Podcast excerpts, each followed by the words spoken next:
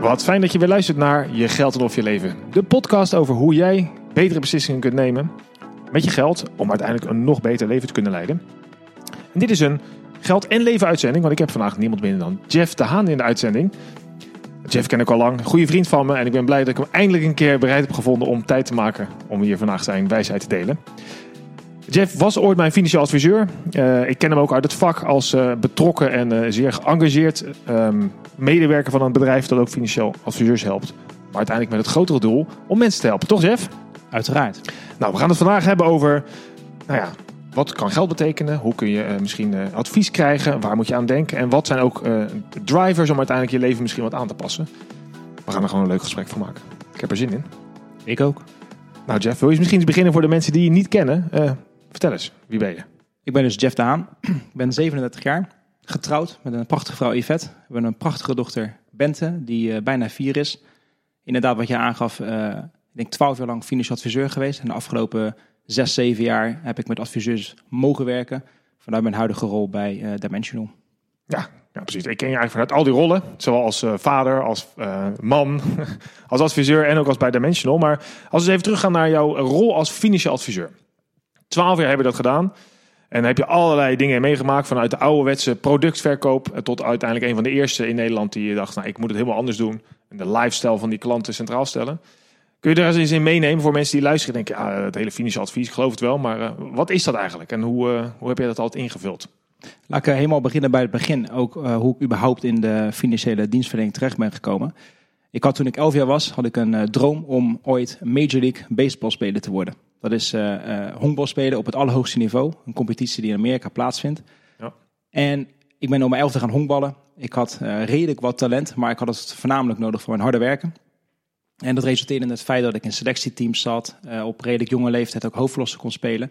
En eigenlijk mijn droom achterna wilde jagen om op een gegeven moment na het afronden van mijn middelbare school te gaan studeren in Amerika, ja. college te gaan doen, daar college baseball te gaan spelen en op die manier hopelijk gescout te worden voor een van de Major League clubs. Alleen op een gegeven moment gingen we om de tafel zitten uh, om te kijken van wat gingen we als vervolgopleidingen doen met mijn ouders. En die gaven aan dat uh, studeren überhaupt geen optie is, omdat het uh, financieel niet bijster goed ging in het gezin. die bestond uit mij en mijn drie zusjes. En dat eigenlijk het strenge verzoek was van mijn ouders om een baan te gaan vinden.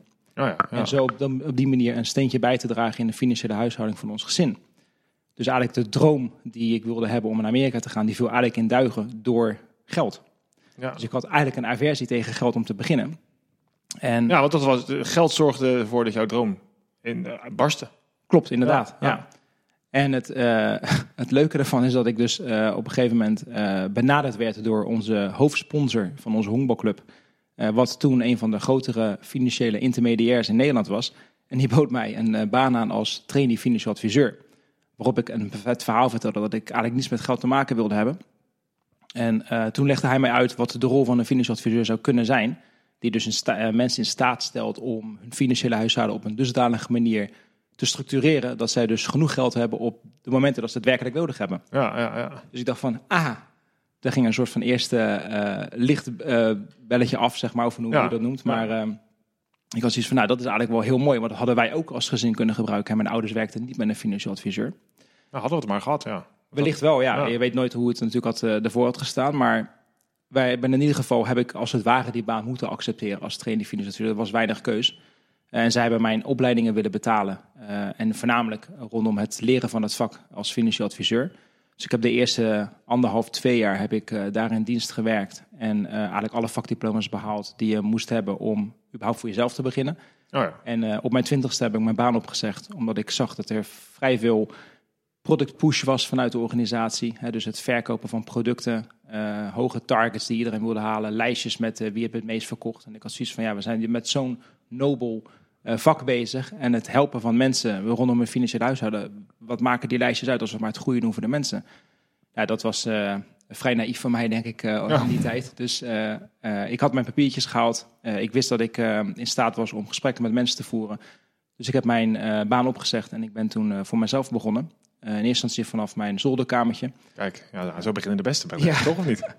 ik heb zelfs nog uh, een klein bedragje geld moeten lenen om een eerste laptop te kunnen kopen bij mijn uh, toen de tijd vriendin en mijn huidige vrouw. Ah. Eh, en zo is mijn, eh, mijn start begonnen, zeg maar, als, eh, als zelfstandig financieel adviseur. Ja, en die tijden zijn natuurlijk enorm veranderd. Want waar die product push eh, ook deels hè, in die tijd zat, doordat daar eh, betaald werd. Dus hoe meer je verkocht, hoe meer de productbouwer zeg maar, jou betaalde. Dat gelukkig helemaal anders. Eh, en jij was eigenlijk je tijd al vooruit. En hoe ging dat de eerste jaren dan? Want eh, stonden überhaupt je klanten wel open voor een hele andere benadering waar je ging vragen wat eigenlijk in plaats van verkopen? Ja, om eerlijk te zijn, wij hebben de eerste eh, drie jaar ook gewoon op die manier gewerkt. Dat wij dus betaald werden door de productaanbieders. Ehm, wij, deden wij gaven wel echt onafhankelijk financieel advies. Ehm, alleen ja, wij werden gewoon op die manier betaald. En in 2006 eigenlijk ook door, door middel van een van de, de, de, de studiereizen die we ook met, eh, met, met jullie toen de tijd. eh, Ja. eh, Mark Boskamp is ook in je uitzending geweest. Die was er ook wel leidend in. Zijn we met veel Engelse adviseurs in contact gekomen. Ook, ik reisde veel naar Amerika, ook voor familie. Daar hebben ze ook veel met Amerikaanse adviseurs in contact gekomen.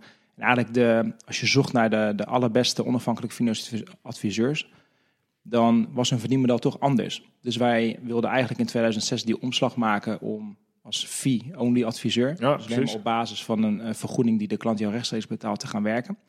Ja, en het was heel anders. En dat waren ook wel lastige gesprekken, want je moest uitleggen aan een klant dat het in hun voordeel was dat zij jou rechtstreeks betaalden in plaats van dat we dat eh, dat advies gratis zou zijn, zogenaamd, maar dat er heel veel verkrapte kosten zaten in de producten die ze aanbieden.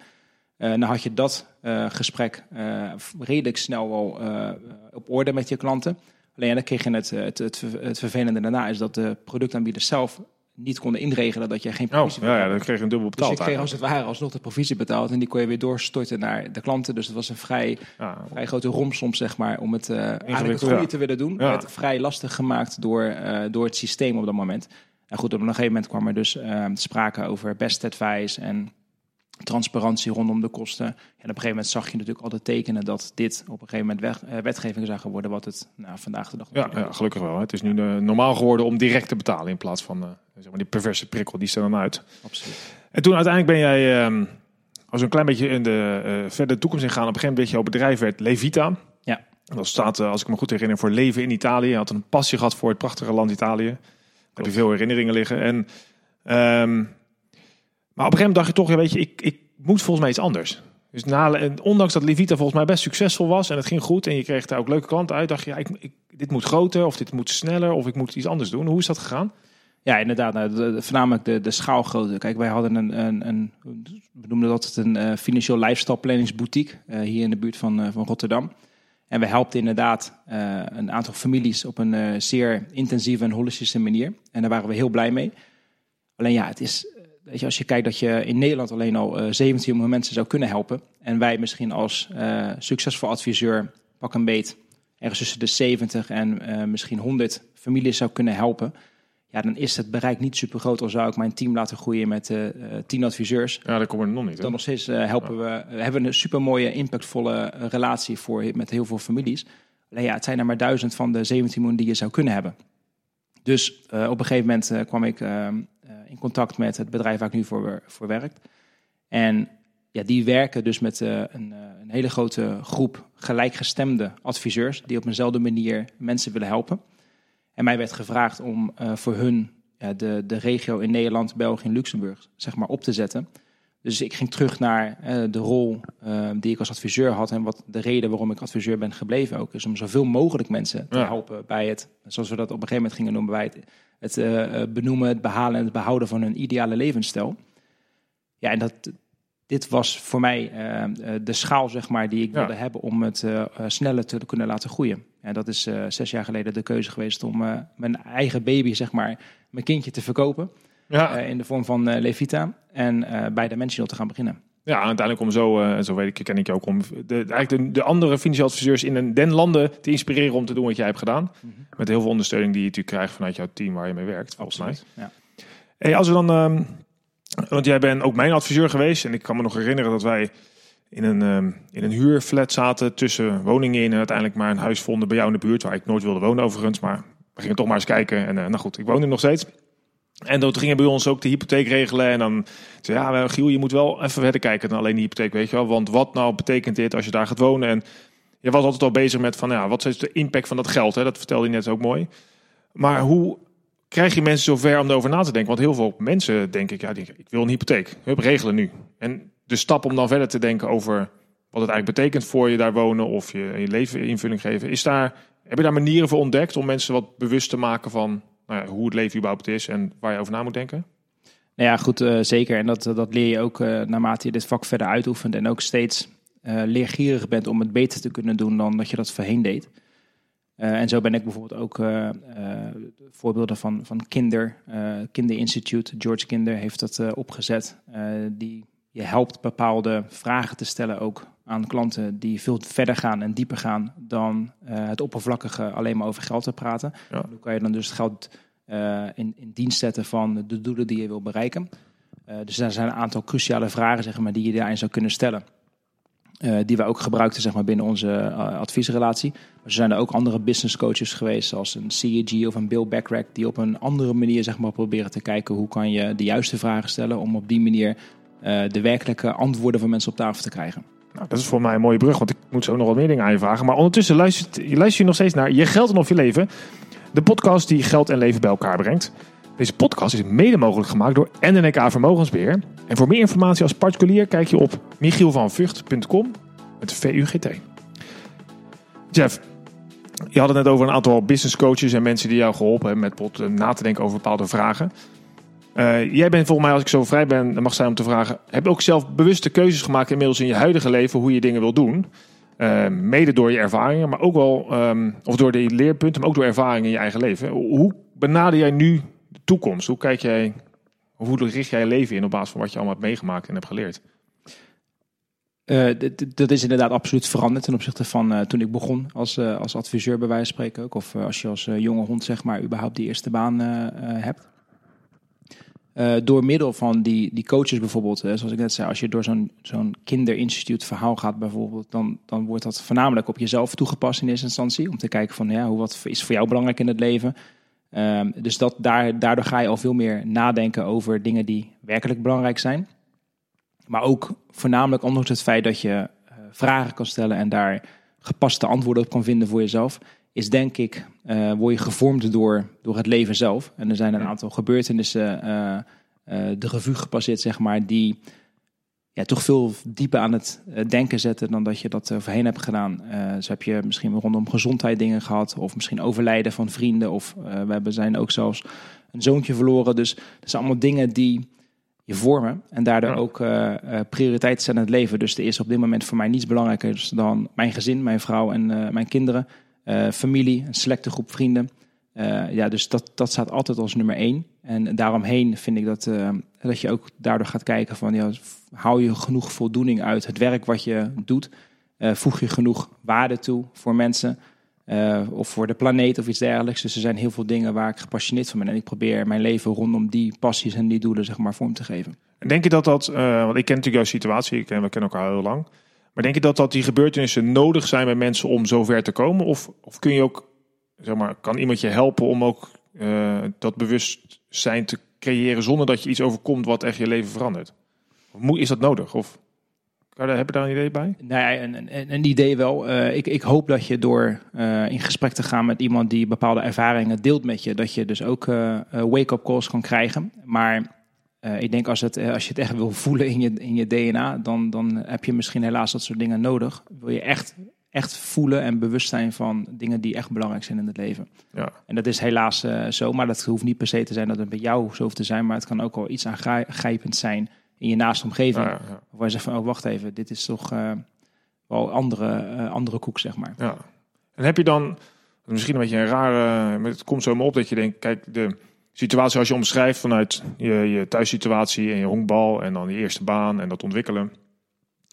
En de situatie waar je nu in zit met alles wat je mee hebt gemaakt. Kun je, zou je kunnen zeggen dat je leven nu, ondanks alles wat er gebeurt, wat, wat uh, verschrikkelijk is op zijn tijd, um, misschien wel rijker is in dan je ooit had gedacht? Misschien wel mede doordat je het contrast hebt? Nou ja, goed, absoluut. En ik, uh, uh, het is ook raar dat je uh, pas na dat soort gebeurtenissen gaat nadenken over waar je dankbaar voor bent. En dat zijn vaak de hele simpele en de kleine dingen. en dat is jammer dat je dat pas realiseert nadat je die ervaringen niet had gehad, bij wijze van spreken. Terwijl je dan misschien voor je gevoel zelfs dankbaarder zou moeten zijn, omdat je die negatieve ervaring niet hebt meegemaakt. Nee, ja. Maar je wordt er juist veel bewuster van. En ehm, ja, om een voorbeeld te geven, ik schrijf ook bijna iedere dag nog steeds in een 5 minute journal minimaal drie dingen waar ik dankbaar voor ben. En dus om, gewoon omdat je dat vaker nodig hebt om dat te blijven herhalen aan jezelf. Uh, omdat je ja, heel snel in de waan van de dag En weer... wordt het gewoon. En, ja, inderdaad, eh, we- weggezogen wordt, zeg maar. En naar het, soms naar het negatieve Ja. eh, getrokken wordt. Eh, is het goed, een goede herinnering aan jezelf. Van, er zijn zoveel dingen waar je dankbaar voor zou kunnen zijn. Ook als de, de wereld soms tegen je lijkt te zijn. Ja, en zijn dat ook, hè, want als je nou zit te luisteren, dat je denkt, ja, weet je, het gaat me eigenlijk best goed af. Ik heb nog niet heel veel urgentie misschien om iets te veranderen. Ehm, maar je twijfelt wel. En er zullen best wel wat mensen zijn die denken, ja, kan dat nou niet anders? Of is, is, dit, nou wel, is dit het wel, dat idee? Als je daar dan zo vanuit jouw ervaring naar kijkt, is dan zo'n voorbeeld van elke dag je zegeningen tellen bijvoorbeeld? Of zijn, heb je andere tips? Ik denk, ja, begin daar eens mee, want dat, dat brengt je ook in je denken verder. Nou ja, goed, ik denk eh, als je iemand al kan vinden met wie je eh, dit soort gesprekken zou kunnen voeren, eh, is het natuurlijk al belangrijk. Ga je naar een, goede financieel adviseur, dan zal die ook bewust dit soort vragen stellen. Tenminste, jij kent dan ook een hele grote groep die Mhm. dat op die manier doen, zo ken ik die ook. Dus ik denk dat dat al een goede startpunt is, omdat je dan ook gelijk een eikpunt hebt van waar staan wij ook financieel gezien en hoe kunnen wij zorgen dat we alles wat we doen in lijn stellen met het bereiken van, van die doelen. Ja, en inderdaad, simpel het, eh, het kopen van een, eh, een eh, dat hoeft niet per se ditzelfde boekje te zijn, maar bijvoorbeeld een 5-minute journal eh, die je bewust maakt van het feit dat je gewoon even je tijd moet nemen om te, te reflecteren, in, intenties te zetten, ook in de, in de ochtend bij wijze van spreken. Ja, dat, dat helpt ook gewoon om iets beter na te denken over je leven en niet continu in die red race te zijn. Ja. En als we het dan hebben over financieel advies, dan zit daar het woord geld natuurlijk in, hè? financiën. Wat voor rol speelt dat, denk je, bij, eh, bij het, uiteindelijk het, het invullen van het leven zoals je het wil? Is dat belangrijk? ja, het, het, het stelt je in staat om, om eh, dingen te doen. En eh, wat je ook al vaak in je podcast hebt gezegd, het gaat voornamelijk, hè, waar hou je de meeste voldoening uit, is voornamelijk uit de ervaringen die je creëert. Nou hoeven niet heel veel ervaringen heel veel geld te kosten, maar er zijn wel bepaalde ervaringen die wel geld kosten. Ja. Ehm, dus ja, als je. ehm, ik denk dat het voornamelijk ook neerkomt vaak op. het gaat niet zozeer om de hoeveelheid geld die je hebt, maar voornamelijk om de keuzes rondom geld die, eh, die je maakt. En ja, je kan soms niet zeggen: ik wil en twee auto's rijden, en een duur huis, en een vakantiehuis. En ook nog zes keer per jaar op vakantie. Je zou ergens misschien een keuze moeten maken. En dan is het aan jou eh, om te kijken van ja, waar, waar ligt voor jou de prioriteit? Is dat dan inderdaad zes keer vakanties? Of is het inderdaad dat grote huis omdat je een huismus bent en graag thuis wil zijn? Of is het inderdaad de mobiliteit van twee auto's, omdat je anders niet Ja. dingen kan doen die je graag zou willen doen? Dus ja, daar, maar ik, op een gegeven moment kan niet en, en, en. Je zal ergens gewoon een keuze moeten maken. En ik denk dat het dat voornamelijk is waardoor heel veel mensen eh, het gevoel hebben dat zij ongeluk ervaren, omdat ze te veel willen. Eh, Ja, precies. En, en dat ze daardoor eh, voor hun gevoel ongelukkig zijn, omdat ze niet alles kunnen krijgen wat ze willen. Ja. Ja, nou, ik weet zelf. Ik had gisteren toevallig een gesprek met eh, Patrick Kik en die podcast komt nog. Maar toen had ik het over jou, ik noemde je niet, maar ehm, wij doen vergelijkbaar werk. En we hebben nog een keer een gesprek gehad dat ik eh, eigenlijk achterkwam dat ik gewoon jaloers was op jou. Omdat ik dacht, hé, hey, wacht even, Jeff doet ongeveer hetzelfde als ik, maar verdient in één keer meer. En eh, ja, daar voelde ik me een beetje relaxed bij. En ik kwam er wel achter dat het geen afgunst was, want ik gunde ik het wel, maar ik was wel een beetje jaloers. Eigenlijk heel triest. En ik ging me daar eh, anders gedragen. En we hebben het gelukkig uitgesproken. En daarna was het wat mij betreft helemaal weg. En volgens mij was jou betreft ook. Maar het klopt heel erg wat je zegt. Dus heel makkelijk dat je denkt, ja, ik zie bijna waar hij woont. Maar eh, weet je wel, eh, ik ben eigenlijk ongelukkig, want hij heeft wel die extra auto. Of, eh, terwijl je eigenlijk veel meer naar jezelf moet kijken. En die keuze moet maken van wat maakt jou nou persoonlijk gelukkig. Ja. En dat is best wel lastig. Ehm, wij zitten natuurlijk in dit werk, dus wij zijn daarmee bezig.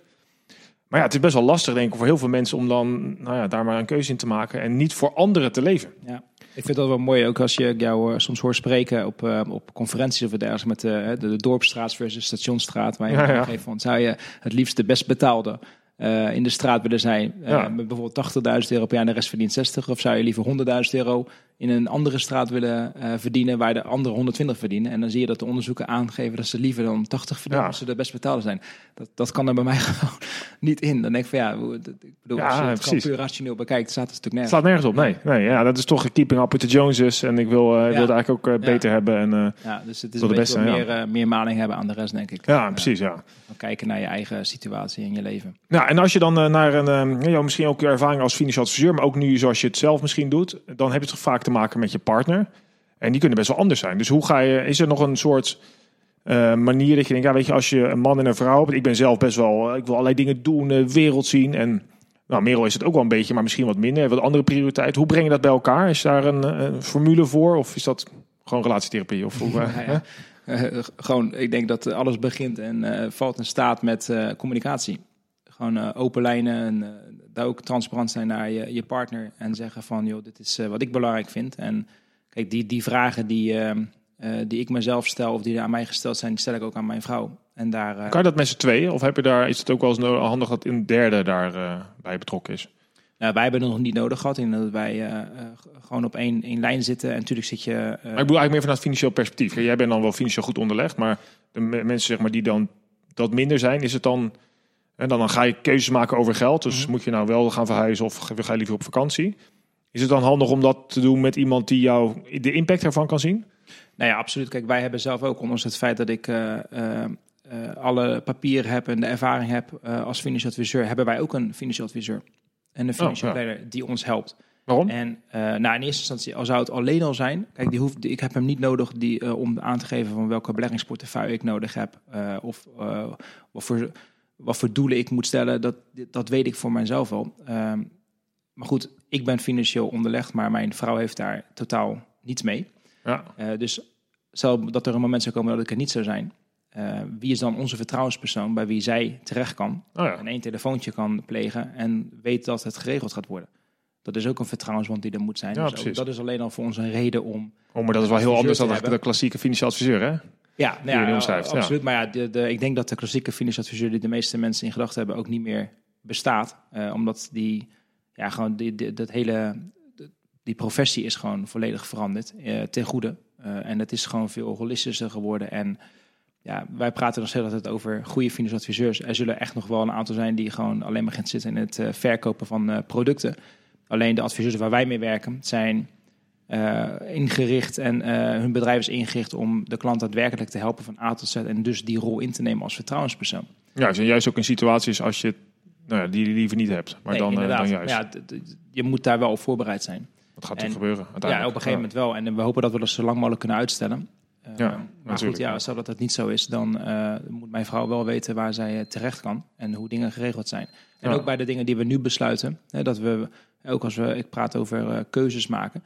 Ja, als wij met elkaar besluiten in een duurder huis te gaan wonen of een, een andere woning erbij te gaan kopen, dat heeft een impact op de, de maandlasten die wij hebben.